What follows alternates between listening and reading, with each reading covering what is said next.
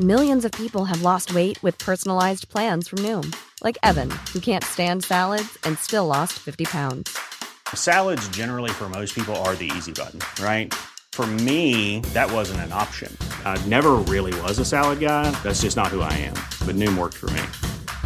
Get your personalized plan today at Noom.com. Real Noom user compensated to provide their story. In four weeks, the typical Noom user can expect to lose one to two pounds per week. Individual results may vary. Hey, I'm Ryan Reynolds. At Mint Mobile, we like to do the opposite of what Big Wireless does. They charge you a lot, we charge you a little. So naturally, when they announced they'd be raising their prices due to inflation, we decided to deflate our prices due to not hating you. That's right. We're cutting the price of Mint Unlimited from $30 a month to just $15 a month. Give it a try at mintmobile.com slash switch. $45 upfront for three months plus taxes and fees. Promote for new customers for limited time. Unlimited more than 40 gigabytes per month. Slows. Full terms at mintmobile.com.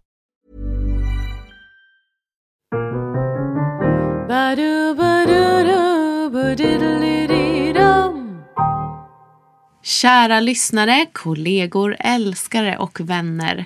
Välkomna till Burlesque-podden. Jag som pratar, jag heter Aurora Brännström. Och Burlesque-podden produceras av Brännström och Lundgren Jazzproduktion HB. Vi sitter på Custom Music Productions där vi har Andreas Hedberg som sköter ljud och redigering till oss. Han är jätteduktig. Nu så sitter jag här med en fantastisk person och det är Miss Rita Regrets. Jajamensan. Ja, varmt välkommen hit. Tack så mycket. Ja. Underbart att vara här. Ja, vad fantastiskt. Vi fick ju lära känna dig lite grann i det här kroppsprogrammet tidigare. Men idag så ska vi gå in på djupet på vem du är. Läskigt. Det kommer gå så bra. Ja. Du är ju också en del av Vaudevillens Burlesque Variety. Exakt. Den tredje. Som, och vi, jag är så glad. Jag har haft er alla tre Nu har du haft alla här. Ja. Wow. Det är underbart. Precis, så nästa gång kanske jag måste ta, er, ta in er alla tre. Du, det tycker jag låter som en bra plan. Ja. ja, får se hur det går med det då. Men eh, du då, Miss Rita Regrets? Ja! Alltså gud, jag, eh, jag satt faktiskt och pluggade lite på tunnelbanan hit och var så här, men gud, när började jag? Varför började jag? Hur länge har jag hållit på? Alltså det är liksom, man glömmer bort, man blir så extremt inne i, i alltihopa. Och jag brukar väl alltid tänka att så här, jag har alltid gjort det här. Lite. ja. Och sen så funderar jag lite och så kommer jag på att nej, så har det verkligen inte varit. Nej. Jag eh, kan börja med då att jag är burleskartist och jag är nakenmodell och eh, jag skulle, även ifall jag inte liksom uppträder eller eh, undervisar eller så, så vill jag ändå liksom identifiera mig som en lindy hop-dansare också. För det, är- det är liksom en kultur som hela tiden har funnits liksom parallellt till burleskandet. Så det är någonting som också är väldigt viktigt eh, för mig. Jag började med burlesk, eh, nu ska vi se om jag kommer ihåg det här. Jag började, det var egentligen så att jag hoppade in, Nicker Kittens gjorde en chorus line, Ja. Nicker Kittens chorus line. Och där började jag 2011. Och det var också där som jag träffade Linn då. Just det. Alltså Lady Rivet. Som eh, egentligen, hon tog tag i mig och var så här, nu är du min vän. eh, jag hade inte mycket att säga till om men jag är överlycklig för det i alla fall. Eh, så att eh, efter några år, eller ganska direkt efter det så såg ju vi Harley Quinn då. Då var hon eh, stagekitten på eh, Fröken Frauke. Och vi eh, haffade tag i henne också och sa så här, hörru du, vi måste göra någonting tillsammans. Och då föddes eh, Vaudevillens Burlesque Variety. Och sen strax efter det vad jag kan se, jag tror att det var 2014, 2015 som jag började med min, min solokarriär under Miss Rita Regrets då. Så att eh, det är, det är så. Det, det känns som att allting är så nyligen. Liksom. Ja, fast, och, och, jag kan tänka samma saker men du har väl alltid uppträtt och Det känns så. Men... ehm, du är ju på, sätt eller på något sätt så, så självklar som burleskartist. Åh, vad underbart det låter. Ja, Tänk om jag skulle känna så också. det Ja. borde du.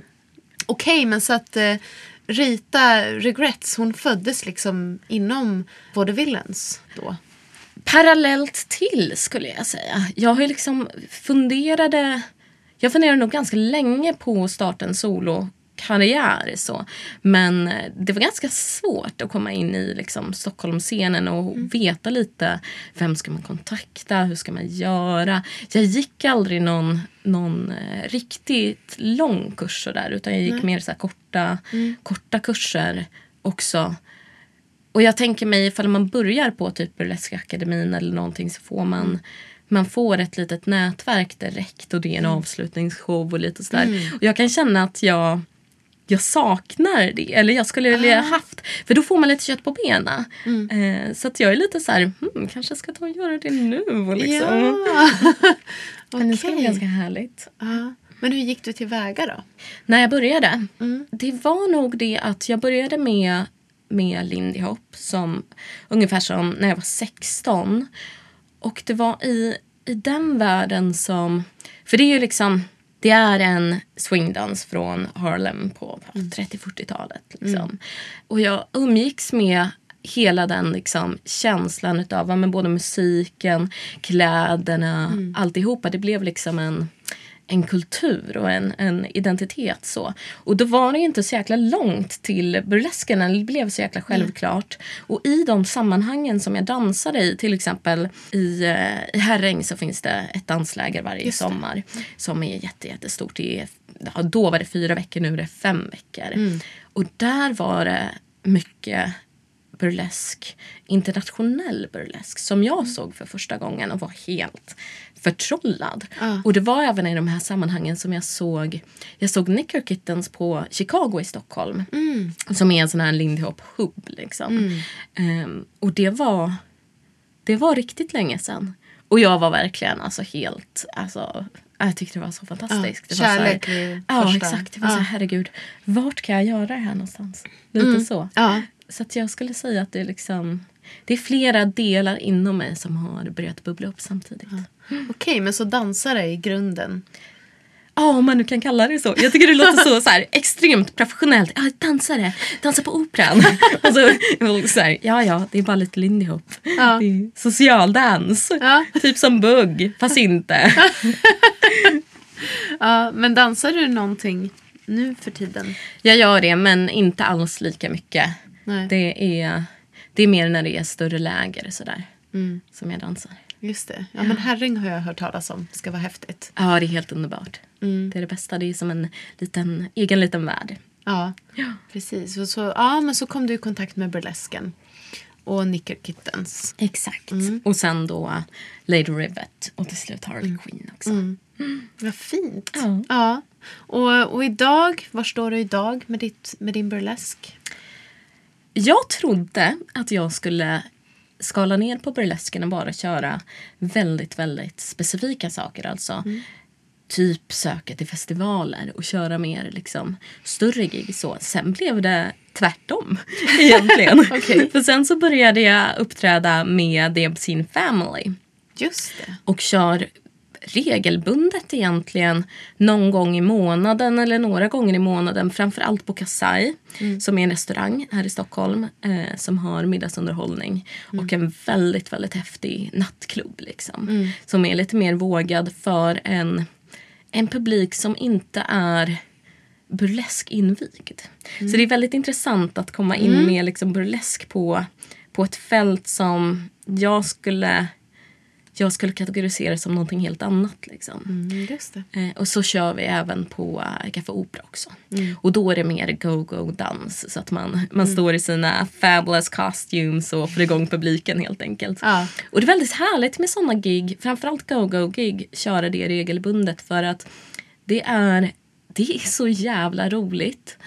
Och det är inte lika inte fullt lika krävande på det sättet att man inte behöver repa in saker och ting innan det. Sen så är det ju självklart att det fortfarande är krävande för det kräver, det kräver att man har sina kostymer färdiga, det kräver att man har sminket och, och det kräver också att man orkar dansa en hel natt. Ja, men det var liksom. det jag tänkte. Det är väl ganska lång tid också som du... Det är ju ganska lång tid. Både lång tid som man är uppe på ett podium då till exempel ett bord och dansar. Och sen så är det, är det ju många timmar, framförallt sena nätter. Men eh, jag är ju en nattperson så det Ja. fungerar perfekt för mig. Okej. Ja. ja, men då är det ju... Då förstår jag. jag. Jag skulle inte klara det. Jag har mina så här vad ska man säga, toppar där jag bara, ah, men nu är jag nattmänniska Ja. i natt. Men sen är jag inte det. Härligt. Det bästa är om man skulle kunna bestämma. Nu är Ja. jag nattmänniska, nu är jag en morgonmänniska. Ja, precis utifrån vad man behöver. Exakt. Nej, det trixiga blir ju sen att liksom vända tillbaka dygnet. Ja. Men eh, det har jag alltid haft problem med i alla fall. Så. Jaha, okej. Ja. Precis, för du, du gör väl också något annat på Ja. dagtid? Jag pluggar, just nu så pluggar jag eh, formgivning eller fram produktdesign som det så fint heter på eh, Beckmans. Och det är, det är helt fantastiskt att äntligen ha hittat rätt. Jag trodde att jag skulle hålla på mer med textil och kläder och sådär men blev helt less på... Eller jag kände att det inte riktigt fanns hopp i den branschen. Alltså det låter så jävla krasst men det är typ så krasst. Alltså det är skitsvårt att jobba där på ett schysst sätt liksom. Ehm, så att eh, det blev, eh, det blev produktformgivning istället och det är så underbart. Det är så jävla kul. Det är så skönt att bara känna så här, herregud jag vill typ springa till skolan varje dag. Åh, vad härligt. Och ändå är jag sen varje dag. Fast så ligger det i min natur. Så är det. Du kanske måste springa liksom. ja, exakt. Ja. Det är, så det, är. det är då jag får min motion. Ja. Ja. ja, men vad härligt. Vad underbart att kunna känna så. Ja. Okej, men, men syr du ändå fortfarande eller har du lämnat det? Jag syr mest om saker. Ja, Det här att få dem liksom exakt eh, passade efter min Ja, kropp. Liksom. Mycket så. Sen är det mycket kostymer, självklart. Alltså, För det, det vet jag ju att Harley Quinn berättade när hon var här. Ja. Om eh, ert arbete och vem som hade vilken roll och sådär. Och då var det väl du som var Exakt. kostymansvarig. Ja. Kostymansvarig. Det, är, det är ett tungt ansvar. Men eh, jag sätter de andra i arbete också. Så att, eh, ofta är det jag som skissar upp lite idéer på våra cancan-kostymer till exempel. Ja. Och sen så beställer vi tyger eller köper in tyger. Och så sitter vi typ en helg. Brukar vi göra och liksom köttar igenom alltihopa. Eh, och det är, det är väldigt trixigt. Det är svårt. Men eh, det är väldigt kul också. Och det är speciellt. Jag har börjat fundera nu när jag har börjat plugga och framförallt nu när jag liksom har börjat dra in pengar som artist. Att men gud, jag kanske ska, kanske ska beställa kostymer istället. Ja. Slippa den här skiten. Aha. Lite så. Men samtidigt så är det någonting särskilt med att ha något som man har gjort helt själv. Ja. Åh, jag kan tänka mig också att du kan känna lite att du sviker dig själv kanske, eller? Om du skulle beställa, eller skulle du vara helt fin med det? Jag skulle nog kunna vara helt fin med det men det finns ju väldigt många kostymörer som säljer för burleskartister. Men då ser man ju ofta, och det är ju fint att man ser vem det är som har gjort det. Men man vill ju väldigt gärna känna att, att ens egna kostym sticker ut. Att den känns som jag. Liksom. Att, den, att man verkligen kan identifiera sig med den. Det. Och det är väl lite det, det jag känner att, men gud. Vilken grej är det som jag skulle kunna beställa för multum? som det med all rätt oftast kostar. Och som verkligen känns personlig. Jag måste fundera och kika lite där. Ja, just det. För det är också, jag menar köper man en kostym från någon som gör kostymer så man kan ju inte modifiera den på samma sätt efteråt sen. Eller, eller det, är liksom, det skulle inte riktigt kännas rätt att ta någons verk och sen göra det till sitt egna. Liksom. Även om det, det kanske finns de som är helt fine med det också. Men jag tror nog att det kan vara lite svårt. Ja, jag förstår. Produktdesign, vad, Ja. vad gör man då? Liksom? Egentligen så är det allt från ja, men småsaker till möbler. Och vi kommer hålla på lite med inredning också. Sådär. Men, men jag vill hålla på med möbler framför allt. Lite större saker. Ja, du pratade om, om eh, trädamm här. Eller vi Ja. pratade om det innan. du håller på och jobbar i en verkstad. Jajamensan. Ja, tar i, tänker jag. Där jag trivs som bäst. Ja, gud vad härligt. Det är så häftigt också att jobba med, med nya material. För när man håller på med textil, vilket jag gjorde då när jag var yngre. Även ifall det finns olika typer av textila material så kan man ändå föreställa sig hur det ska bete sig. Men nu så, jag märker att alltså, det finns så otroligt mycket material. Och så börjar man hålla på att gjuta i betong och sen så börjar man gjuta i silikon. Och så testar man olika träer. Och så, alltså det är surprise varje gång. Man har ingen aning. Det är liksom, Man måste verkligen beräkna varje liten grej man gör kommer ta minst tre gånger så lång tid. För du vet inte. Det kommer vara så mycket man behöver läsa på om och så mycket surprise-element. Men jag älskar det också. Ja. Alltså det är så kul. Ja, ja, det låter väldigt spännande. Det är skithäftigt. ja. Men för att komma tillbaka till burlesken då. Vem är du som burleskartist? Om du vill beskriva det lite mer ingående. Som burleskartist så är jag väldigt klassisk. Och det är väl det att jag liksom har växt upp med hela den här, ja men som en liten så här vintage dröm liksom. Som en vintage fantast så. Alltså det är ju framförallt swing och jazzmusiken som, som jag blev förälskad i väldigt, väldigt tidigt. Så att jag visste från början att det är klassisk jag ska vara. Jag är egentligen inte... Jag älskar det här med fjädrar. Glitter är någonting som jag har upptäckt ganska nyligen. Alltså hela den alltså för jag alltid, när jag var barn, och det är det jag menar med att så här, jag tänkte att jag alltid håller på med det här. Men så var det ju verkligen inte. För när jag var barn så var jag inte alls en, en så här, vad ska man säga, tjejig. Jag hatar att säga så. Men, men jag gillade inte eller jag, jag brydde mig helt enkelt inte om alla de här liksom feminina attributerna som väldigt många andra barn flörtade med och liksom lekte med. Utan det, det var helt ointressant för mig. Det var först när jag blev tonåring och jag började hålla på med alternativa stilar och liksom började testa mer sån, sån sminkning som jag kom in på hela det spåret. Och där finns, fanns ju inte någonting med liksom. Det var ju eyeliner och så var det kajal och hela det köret. Men det var ju inte glitter. Det var ju liksom, jag kan fortfarande inte måla naglarna. Jag har ingen aning om hur man gör. det känns så himla fantastiskt. Folk, det är så många som kommer till mig och bara Kan inte du hjälpa mig att sminka mig? Jag behöver så mycket tips. Och jag är så här, varför kommer du till mig för? Jag har precis lärt mig. Jag har ingen aning. så att ehm, det är, jag är mer åt en, en vintage älskare än vad jag är en glamly glam tjej liksom, och artist. Men jag är också lite åt, åt femme fatale-hållet. Eller jag vill vara det. Jag vill liksom flirta lite med min lite mer eh, mystiska sida. Och det är också därför jag har namnet Miss Rita Regrets. Ah, vill du förklara det lite mer? Alltså det är ju, namnet är ju en blandning då mellan Rita Hayworth och eh, det finns en låt som jag älskar den versionen med Ella Fitzgerald som heter Miss Otis Regrets. Ja, såklart.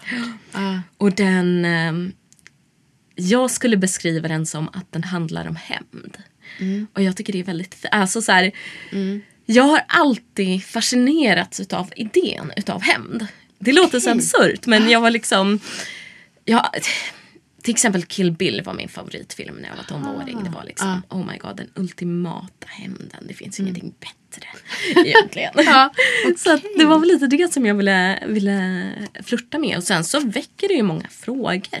Vadå regrets? Hur, kan man, hur kan man ha ett namn som står i kontrast till, till det här starka och att jag står på scenen och är halvnaken och liksom och så finns det regrets med i namnet. Det är liksom, det väcker mycket frågor. Ehm, och det tycker jag är lite, lite roligt helt enkelt. Att det inte är glamorama girl typ utan det, är, det är någonting annat liksom. Ja, men jag har tänkt mycket på ditt namn. Jag tycker det är spännande. Det, det är som du säger, man fastnar ju på det för att man börjar undra vad du egentligen menar. Ja. Men jag kommer ihåg också vid, någon, vid något tillfälle så har du sagt eller har blivit omnämnd som Miss Rita re- regrets but she has no regrets. Ja. Eh, jag vet inte om det var kanske Lady Rivet som sa det. Jag har varit på, på en av era klubbar nämligen. Eh, med Vaudevillens. Ja, säkert. Ja, men för det där fastnade nämligen i mig. Ja. För att jag, jag hade nog, jag har faktiskt tänkt på Miss Otis Regrets för att jag, den där är en så här nostalgisk låt för mig. Är den med. Bette Midler. Ja. Om du har hört den versionen. Så säkert. Den är väldigt teatral och, Mm. och eh, ja, jag förstod det kanske mer som en rolig, liten farsartad. Ja. Men jag har ändå så här, regrets, jag har ändå kopplat det dit Mm. tror jag. Så just att hon, jag tror att det var Lady Rivet som sa det om dig. Att så här, just det, just det, det är ju väldigt spännande. Ja. Vad, vad får du för kommentarer undrar jag? Lite för lite kommentarer om mitt Nej. namn. Ja, jag har ju ändå liksom hoppats på att folk ska, ska fråga och vara lite mer. Men jag tror att folk läser in så mycket själva i alla fall så de är ganska nöjda med sina egna tolkningar. Lite så. Ja. Ja. Det är ju ändå spännande att, eh, att det kan bli så. Okej, men så, så klassisk vintage femme fatale. Mm. Ja. Och lite, lite liksom jazz och ja, men jazzinspirerat. Vill jag väl ändå försöka få in. Ändå kan jag tycka att det är svårt att hitta en bra balansgång mellan att köra ett väldigt dansant nummer och fokusera på tisen. Jag känner att många gånger så har det blivit lite för mycket utav en eller andra. Eh, och det är, det är en svår ekvation men det är en underbart rolig ekvation också Ja. att försöka läsa. Ja, ja vad, vad är bra burlesk för dig? Vad inspireras du av? Åh, jag älskar ju klassisk burlesk, men åh, det är så svårt. Tänk om det skulle finnas en formel så kunde man bara liksom kopiera det eller receptet och koka ihop det själv. Bra burlesk för mig är burlesk som ger mig en känsla. Och oftast den känslan då som, som är det här lite mer gammaldags. Alltså lite mer, det ska nästan kännas som att man försvinner både ur tiden och in i en annan tid. Lite att man tappar bort sig själv. Sen så älskar jag kroppar på scen. Jag gillar ju mer seriös burlesk och burlesk där man verkligen jobbar med kroppen som, som det liksom sexuella det är. Liksom, och verkligen, verkligen lyfter fram det. Och det har ju gett mig en plats också där jag kan kolla på, på människor som faktiskt liksom uttrycker sin sexualitet. Det forumet har inte riktigt funnits förut. Nej. Och det har jag verkligen saknat. Det kommer jag ihåg att jag tänkte på när jag var ung också. Att vara så här, men det är så jävla orättvist. Liksom. Grabbarna har alltid någonstans de kan gå och hemsidor och allt möjligt. Liksom. Men det fanns inte riktigt ett forum så. Nej. Så att, och också det här att det, liksom, det är... Man får vara en, en sexuell varelse. Liksom. Alltså, så här, det är okej. Det finns sån underhållning. Det är okej. Sen så är det inte all burlesk som är eller vill vara sexig. Heller. Och det är viktigt att poängtera tycker jag. Att det, och det, är också en grej som är så helt fantastisk. Att under en show och i en liksom, typ av konstart så finns det så jävla mycket olika. Så du kan välja både som artist och som besökare vad du vill uttrycka och vad du vill kolla på. Det tycker jag är skithäftigt. Men för mig, för att återgå då till frågan, så jag gillar, jag gillar som sagt burlesk som, som verkligen är kan man säga bejakande, alltså som liksom som har det där lilla extra, den där umfen liksom, alltså det här lite ah, nästan filmiska. Alltså när, när det blir en, en sån känsla. Vad menar du då med filmiskt? Ja, men att det, det kanske inte behöver vara en story rakt av. Men det är så... I'm Nick Friedman. I'm Lee Alec Murray. And I'm Leah President, and this is Crunchyroll Presents The Anime Effect. We are a new show breaking down the anime news, views, and shows you care about each and every week. I can't think of a better studio to bring something like this to life. And Yeah, I agree. We're covering all the classics. if I don't know a lot about Godzilla, which I do, but I'm trying to pretend that I don't right Hold now. it in, hold And our current faves. Luffy must have his due. Tune in every week for the latest anime updates and possibly a few debates. Oof. I remember, what was that? Say what you're gonna say, and I'll circle back. you can listen to Crunchyroll Presents The Anime Effect every Friday wherever you get your podcasts. And watch full video episodes on Crunchyroll or the Crunchyroll YouTube channel.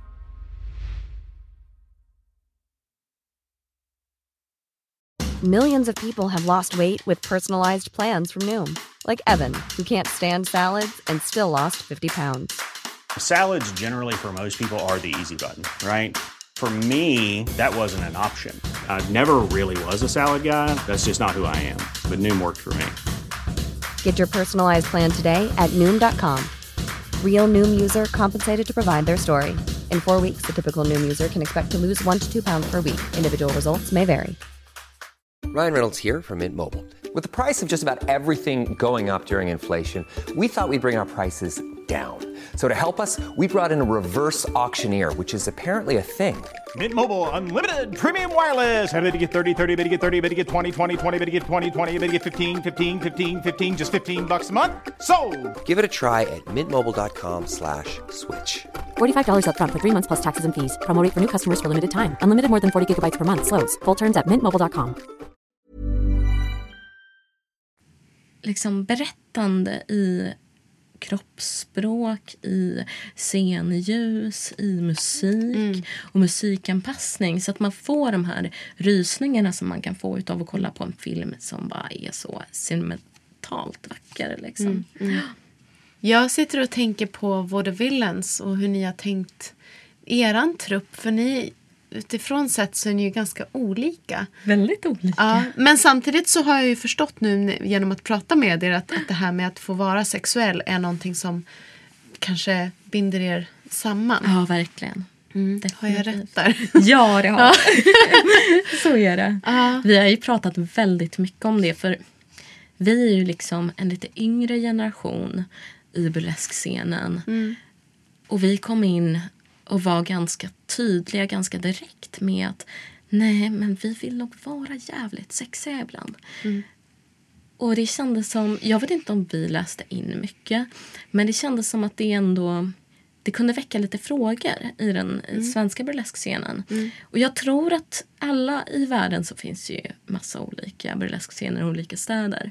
Och jag tror att alla de är lite olika och tolkar in lite olika saker och olika begrepp. Och liksom man, har, man har sina egna interna diskussioner helt enkelt. Jag tror det är jätte, jättehälsosamt och viktigt. Men, Så det var faktiskt någon, förlåt att jag avbryter men eh, man får inte tappa det här. Men det var någon jag pratade med nyligen som, som beskrev burlesk som befriat från sex. Alltså det var, det var väldigt intressant. ja, verkligen. Ja, för fan, jag, jag kommer inte ihåg vem det var och det spelar ingen roll. Nej. Men den här personen sa i alla fall det att ja, men så här, om man tittar på olika konstformer och tittar på striptease och sådär så är ju burlesk någonting annat. Det är ju nästan asexuellt. Vad, vilken otroligt spännande tolkning. Eller hur? Jag kan och för sig... Det beror nog helt på vad man liksom laddar i ordet sex. Ja. Så liksom. Ehm, jag skulle inte beskriva det så. Jag tycker att burlesk, och jag älskar när burlesk är ytterst sexuell så liksom, eller sexuellt laddad. Och jag tycker att det är det är bra. jag tror Ja. att människor behöver liksom, sexuellt laddade underhållningsformer. Ja. Det, det finns Nej, men jag, ingenting... jag tänker att det kanske har att göra med, för att jag tycker som du där. Ja. Jag tycker absolut att burlesk har med sex att göra och att det kan vara väldigt eh, som igångsättande Mm. på något sätt. Men att det är ju på artistens villkor. Det finns ju Exakt. ingen liksom om man, om man skulle jämföra med klassisk striptease så finns ju där andra premisser och andra kanske gränsdragningar Mm. mellan artist och publik. Exakt. På på en burleskscen så är det ju så det är så tydligt att så här, jag gör ett nummer Mm. och det är inte liksom meningen att du ska ta på mig till exempel. Och att kanske folk då kan uppfatta det som att det är lite mer, ja, deras uppfattning eller deras tanke kring vad är sex som du säger. Mm. Att det inte är kopplat till det på samma sätt. Jag tycker det är en väldigt spännande tolkning. Eller, Nej men alltså jag blev själv bara va? Okej, förklara. Eh, men eh, det blev inte en sån lång diskussion där. Det var synd. Vi får ta upp den tråden Ja. igen. Ja, nej, men jag satt och tänkte på det just för att du, du själv nu sa det. Liksom, att ni i Vårdavillans vill vara sexiga. Du måste ju ändå samtidigt mena att, att det kanske finns burlesk som inte går in i det på samma sätt som ni har valt att göra. Eller? Absolut. Det finns, ju, det finns ju burlesk som, som mer anspelar på att vara rolig. Till exempel. Det finns ju alla typer. Så att det, och man kan ju lägga sig precis vart man vill på skalan. Och det är det jag tycker är så, så himla fantastiskt. Att vi har det utrymmet. Och att man, man behöver inte gå åt ena eller andra hållet. Eller liksom, Man får köra sin grej. Liksom. Visst. Nej men och det var väl det som, ja för jag började ju förklara då, jag blev så här, jag gick lite i försvarsställning och bara men förstår du inte vad burlesk är för någonting? och jag tänker att det är lite som Frauke pratade om i det allra första programmet här i Burleskpodden att eh, det är väldigt brett. Ja. Att burlesk kan vara egentligen allt. Det är ju inte allt men, men liksom väldigt väldigt mycket. Verkligen. Mm. Det, är, det är precis den, den åsikten som jag har också. Mm. Den uppfattningen. Och det blir det som jag tycker jag tycker att det är väldigt svårt att säga det här är burlesk, det här är striptease, det här är inte burlesk, det här är cabaret eller, eller sådär. För mig så handlar allting om kontext. Och den kontexten den är viktig för att jag som artist som står på scenen måste ju liksom kunna etablera eller ha någon som, som förklarar för publiken det här är lite vad du ser. Det här, så här, jag gör det här för att jag tycker det är kul. Till exempel. Det här är min story. Liksom, eller det, här, det här är det som jag vill berätta för dig rent visuellt och konstnärligt. Jag kan känna att när man gör till exempel go-go-gig, vilket är att man då dansar för att få igång en, en klubbpublik. Det är någonting som jag har börjat fundera på ganska mycket på senaste tiden. Att jag kan känna att man tappar kontexten där. Okej. Jag tycker som sagt jag älskar att göra sådana gig för jag tycker det är så fruktansvärt jävla kul. Men det som jag märker det är att ibland så är det folk i publiken, eller då på dansgolvet, som inte riktigt förstår. För i Sverige så har vi inte haft det, det liksom fenomenet särskilt länge utan det har kommit de senaste tio åren kanske. Eller som det liksom verkligen Ja, har ja. börjat bli etablerat på stora klubbscener. Så. Och jag tror att jag tänker mig själv att om jag inte hade hållit på med det här så hade jag nog blivit ganska ställd om jag kommer in, ska dansa en kväll och det är det enda jag liksom bryr mig om. Och sen så helt plötsligt står det en massa lättklädda människor i ashäftiga kostymer. Det hade jag nog varit jävligt taggad på i och för sig. Men, men jag uppfattar ändå att det är vissa som inte riktigt vet hur de ska tolka det. Och det tror jag är ett tecken på att de inte har fått kontexten. De fattar inte riktigt vad vi gör där ibland. Ja. Och det är väldigt Gud, synd. speciellt. Det är jättespeciellt för jag vill bara liksom gå fram till dem och förklara och vara så här, men gud, det är bara titta och njut eller dansa eller gör vad ni vill liksom. Ja. Men, men eh, vi är inte här för att, för att vi måste. Mm. För att det, vi får pengar för det som vi måste leva för. Utan vi är, här, vi är här för att det här är vår grej. Vi tycker det är kul. Så att, eh, Mm. Just mig, det, och och det ställer ju inga krav på publiken heller. Nej. För det kan jag tänka mig att man kanske tror som publik att så här, oj men gud vad ska jag göra nu? Ja. Vad krävs av mig? Exakt. Och egentligen är det bara en stämningshöjare. Mm. Och sen så får man absolut stå och kolla ifall det är det man vill. Mm. Det är också okej. Ja, just det. Ja, men ja, vad spännande. Kontext. Så du tänker att det, det, är liksom, det är det som avgör ifall det är ren, inom situationstecken, striptease eller Ja. ja, burlesk och cabaret som du Ja. sa också. För mig så är det så. Jag, jag gör den tolkningen. Och det är helt enkelt för att man då... Ja, hur ska man beskriva det? Ja, men man, man får en publik som, som faktiskt fattar. Eller förhoppningsvis fattar. Och man får också en scen. För mig har det varit väldigt liksom, viktigt med Stockholms burleskscen att jag hittat uteställen som jag kan gå till där jag kan känna mig helt trygg. Ja. Och det är ju helt fantastiskt. Men också där jag inte bara känner mig trygg, trygg, trygg, utan att jag kan känna mig trygg i att leva ut på de sätten som jag vill. Och jag tycker det är så underbart att se att det är flera människor som testar olika saker, för det utrymmet finns. Det är ju väldigt många som liksom, ja, men män som har på sig smink och så liksom ser man så här, ja, men de har gått på burleskklubb gång på gång på gång och sen så efter några år så kanske prova med en liten ögonfrans. Eller någonting. Alltså det, vi har liksom skapat ett utrymme där det finns plats för utlevnad på olika sätt.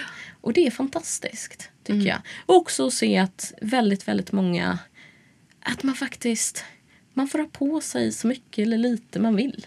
Det, alltså det, är, det är så jävla fint. ja, verkligen. För annars är det så många gånger som ja, men jag till exempel när jag går på vanliga klubbar och så. De har på sig någon snygg klänning som oj oj oj nu blir det alldeles för urringat här och det går inte. Och det, ja, Man, har, alltså, man har ju så jävla mycket liksom, hjärnspöken som, som eh, det finns ingen plats för dem i burleskscenen. Mm. Skulle jag säga. Nu som sagt så träffade vi ju dig i det här kroppsprogrammet. Så egentligen så ska vi kanske inte gå in så jättemycket på de frågorna idag. Men jag tänkte ändå om du ville berätta någonting om det du gör som nakenmodell. Ja. För det är väldigt spännande. Ja. Vad, vad är det för ett, en del av dig och hur ser det ut? Alltså jag har alltid liksom gillat att vara, vara framför kameran. Men jag började att modella för några år sedan. Eh, mer som liksom nakenmodell och så. Och eh, det var också en sån här grej som bara var så fruktansvärt självklar. Jag tycker det alltid att det är så spännande när folk pratar om, om nakenhet eller om att själva vara nakna som någonting så extremt utelämnande eller liksom blottande så. Och för mig har det, har det alltid varit tvärtom. Att det är lite som att, att så, åh, var skönt, äntligen så liksom får jag vara bara mig. Ja. lite så. Ja. Jag, jag tycker det är så intressant när man liksom filosoferar över vad jaget är och folk är såhär, jaha ja men själen och när man dör och så. Vem bryr sig om kroppen? Lite så. Men för mig så har alltid jaget varit väldigt, väldigt starkt ihopkopplat med min kropp. Och jag tror att det är lite det som gör att, gör att jag tycker att det är så extremt kul att stå naken framför en kamera och sen också kolla på de bilderna efteråt och vara lite så här vrida och vända och lite jaha, ser jag så där? Och liksom från olika vinklar och det, det ger mig väldigt mycket personligt så. Men sen så ger det mig också en styrka. Alltså det har varit ett sätt att ta tillbaka och hålla kontroll över, över blicken. För jag har alltid, sen jag blev tonåring så, så har jag fått väldigt, väldigt mycket kommentarer på och liksom om min kropp. Och jag har väl kunnat välja där lite. Liksom. Alltså, det hade inte alls varit självklart att jag skulle skulle hålla på med det jag gör. Men för mig så blev det ett sätt att, att ta tillbaka makten. För folk kommer liksom antagligen alltid att, att kommentera min kropp. Men nu så, nu så gör de det för att jag, jag säger att de ska göra det. Lite. Alltså, lite den grejen att ja, men okej, då får jag väl jobba med det då. Alltså, då får jag ja, hitta, hitta ett sätt att utnyttja det istället för att vara skitförbannad på det samhället som vi lever i. Ja. Så är det. Kommer du ihåg liksom hur det började? Vad som var ditt första uppdrag som nakenmodell? Eller hur du kom in på det? Har du hållit på med det längre än burlesken? Nej, det har jag hållit på med mycket kortare än burlesken. Ja, Och det är nog... Det var också en sån där grej som jag tänkte börja med väldigt länge. Men som var väldigt svår att, att hitta rätt kontakter. Och liksom man, jag vågade inte... För det finns så mycket märkliga människor som vill fotografera med nakna, Mm, ja, framförallt jag vet. Och jag tror att jag alltid har varit ganska försiktig då och liksom inte, inte gått med på eller, eller liksom blivit medlem. Det finns ju massa hemsidor och allt möjligt sånt där. Utan att jag har mer, jag har haft det intresset och sen så, sen så har det bara hänt. Liksom. Men det har inte varit så att jag aktivt har försökt att, att börja modella för jag har känt att det har varit för svårt att hitta rätt, hitta rätt kontakter. Helt enkelt. Men jag tror nog ett litet startskott, det var nog i alla fall när jag började eh, Beatrix Bluebird. Eh, Hon drog med mig på en fotografering med en helt fantastisk eh, fotograf. Och vi hade så jävla kul ihop. Alltså det var så fantastiskt att jobba med en annan, en annan person framför kameran också. Och liksom, ja men det bara funkade. Och det var, det var verkligen då som jag bara okej, det här är så, så otroligt roligt. Eh, Så att det här vill jag göra lite mer. Sen så har jag ju fått mycket förfrågningar. Men det är, det är fortfarande någonting som jag, jag gör mer för att bygga upp mitt portfolio och för att jag vill ha de bilderna. Men jag tar inte jättemycket betaljobb så för att jag tycker att det, det är så svårt att veta vad vill folk använda bilderna till. På något sätt är det ju ändå så att tar man ett betaljobb då tappar man också kontrollen över de bilderna sen. Jag gör ju tvärtom, ja. Så det, det här är spännande. Ja, gud, det måste du prata om. Jag tar ju bara betaljobb. Ja. Eh, och jag är medveten om de där riskerna. Men jag, Jag vet inte, jag, jag skulle inte ställa mig utan att få betalt. Ja, spännande. Men hur tänker, tänker du att det är för att det är ett jobb? Eller eh, varför? Hur tänker du där? Ja, jag tänker att det är ett jobb.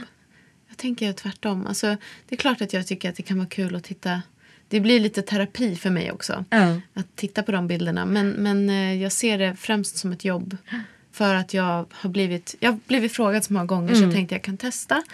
Och så har jag testat och då har fotograferna varit nöjda. Och jag tänker att ja, jag kan göra det. Jag har inga problem med det. Men jag vill gärna ha pengar för det. Ja, men det är underbart att kunna få pengar för det också. Ja. Man ska göra det som passar en bäst helt enkelt. Jag tror att för min del så har det varit det att man liksom... ah, Det blir så mycket det här att, jag menar, vad, det, det är så många småfotografer och ska de ha det att bygga upp sitt portfolio eller vad sjutton ska de ha det till för? Liksom? Det får man ju alltid fråga. Exakt. Eller det brukar jag alltid göra. Och jag tackar nej mycket också. Ja, det blir ju så. Man måste ju liksom kolla igenom. Men det är ju lite absurt också. Jag menar, jag, jag sitter ju på så otroligt mycket bra bilder. Och jag funderar lite, vad sjutton ska jag göra med de här bilderna? För det är inte som att jag kan posta dem på Facebook. Men vet du vad jag har gjort? Nej. Jag har gjort ett egoalbum. Det har vad framkallat.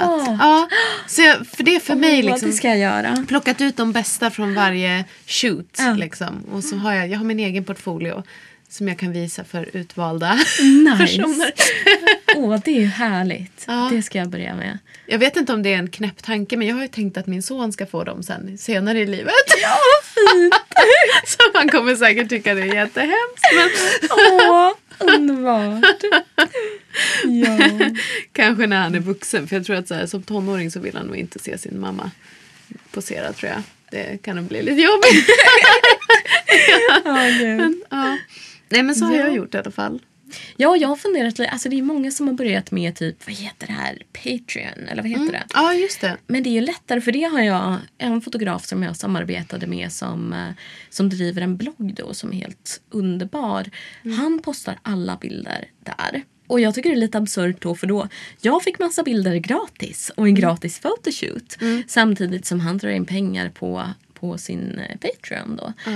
Och jag blir lite så här, men gud jag vill ju också jag vill också lägga upp bilder men så fort bilderna är avknäppta så, så är de ju fotografens liksom, fotografens verk vad jag förstår det som. Och det är det där som jag kan tycka är lite bökigt. Jag är lite så här, men vad fan, jag kan lika bra fota själv i sådana fall. Ja. Sen ja. så fotar ju inte jag fullt lika bra som många fotografer men man kan göra mycket ifall man har lite koll på, på kameror och ljus. Liksom. Ja, så att, ehm, Precis, ja, men det där är också någonting man får tänka på. Ja, det finns så många liksom, så extremt många nivåer utav det Ja, men det, där, det gör ju också att det, jag tycker att det är knepigt att, att ta jobb ofta för att man måste gå igenom så många Exakt. klausuler. Och, Det tar så mycket ja, tid. Vad betyder det här? Liksom, vad har jag skrivit under på? Ja. Vad får jag göra med bilderna? Och så vidare. Exakt. Och för min del så... Jag har aldrig varit i ett sammanhang där det har varit ett problem. Däremot så... Det var någonting som jag insåg nu när jag började plugga. För då hade jag...